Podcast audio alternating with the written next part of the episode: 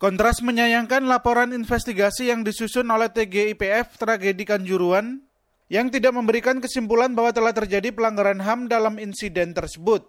Koordinator Kontras Fatia Mauldianti menyebutkan terdapat dugaan kejahatan sistematis yang dilakukan oleh aparat keamanan dalam penanganan situasi di Stadion Kanjuruan Malang yang berujung pada tewasnya 130-an orang.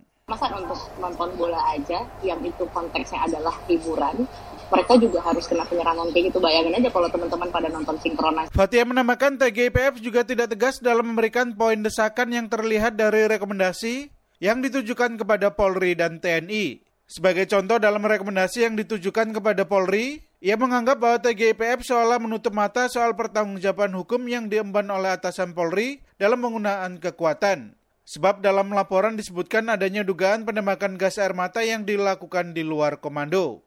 Sebelumnya TGIPF telah menyelesaikan laporan investigasi terkait peristiwa Kanjuruhan. Laporan tersebut memberikan sejumlah rekomendasi kepada berbagai pihak yang terlibat dalam peristiwa ini, antara lain PSSI, PT Liga Indonesia Baru, Polri, dan TNI. Beberapa poin rekomendasi tersebut yaitu merekomendasikan Polri untuk menindaklanjuti atau menyelidiki pejabat Polri yang menandatangani surat rekomendasi izin keramaian dan penyelidikan bagi aparat yang melakukan tindakan berlebihan. Namun TGIPF tidak tegas menyebut adanya dugaan pelanggaran HAM dalam tragedi tersebut.